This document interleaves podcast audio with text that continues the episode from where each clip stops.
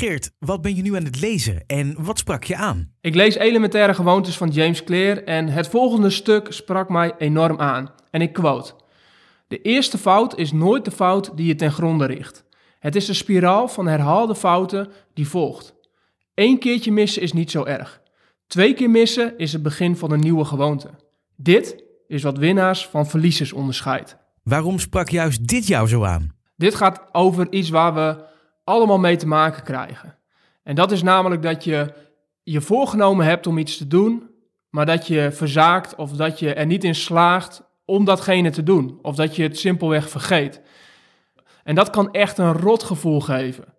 Wat ervoor zorgt dat je geneigd bent om op te geven. En dat je die fout die je maakt, die overgeslagen gewoonte, dat je jezelf dat heel erg kwalijk neemt. Terwijl dat hiermee aangegeven wordt dat het nooit zozeer gaat om die ene fout.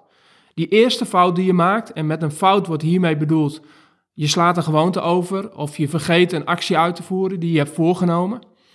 Als je die fout begaat, is dat nooit fataal. Winnaars herpakken zichzelf. En staan niet te lang stil bij die ene fout, maar weten dat het juist om gaat om snel te herpakken, het te herstellen, zodat het niet een tweede keer gebeurt. Want, en dat geeft James Clear heel duidelijk aan, juist het gevaar zit hem in die tweede keer en die daarop volgt. Als je je niet snel herpakt, is de kans dus vrij groot dat je inderdaad ten val komt tussen aanhalingstekens. Dus het gaat niet zozeer om de eerste fout. Maak je niet druk om die eerste fout.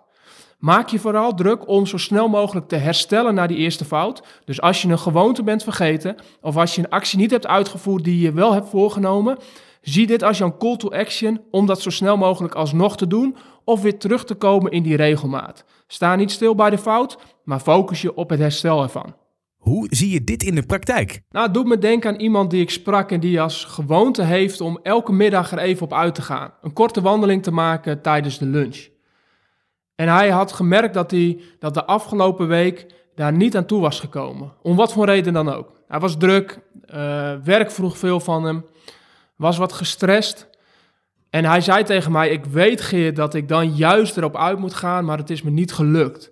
En eigenlijk ging alle energie en alle aandacht uit naar de week dat het niet gelukt was. Totdat ik met hem erover ging hebben wanneer het hem wel was gelukt. En hij vertelde dat het al die weken daarvoor wel was gelukt om elke werkdag er even op uit te stappen. En vervolgens kregen we het erover hoe hij ervoor kon zorgen dat hij dat nu wel weer ging doen. En hij besloot op dat moment om diezelfde dag nog een ronde te gaan wandelen. Om daar echt de tijd voor te nemen. En om te kiezen om het al die dagen erop volgend ook weer te gaan doen. En ik merkte dat de energie gelijk verschoof. Van die negatieve energie en dat zelfverwijt wat hij daarvoor had, verschoof de energie naar het heden en de toekomst. En begon hij te zien dat hij op dit moment ervoor kon kiezen om weer in het oude patroon te komen, om weer die goede gewoonte in zijn leven terug te brengen. En die positieve energie hielp hem ook om het daadwerkelijk te gaan doen. En dat is het grote verschil, denk ik. Dat als je focust op datgene wat niet gelukt is, op die mislukte goede gewoonte uit te voeren, ehm, dat je daar heel lang bij stil kan staan, maar dat juist dat stilstaan ervoor zorgt dat je niet in actie komt.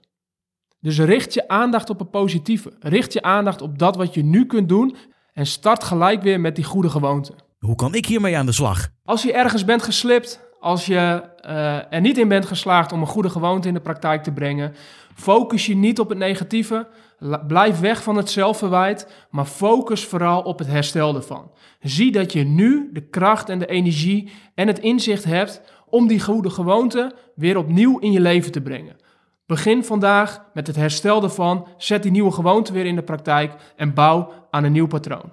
Oké, helder. Bedankt voor het delen. Ja, graag gedaan. Jij bedankt voor het luisteren. En als we het dan toch hebben over delen, dan wil ik je nog het volgende vragen.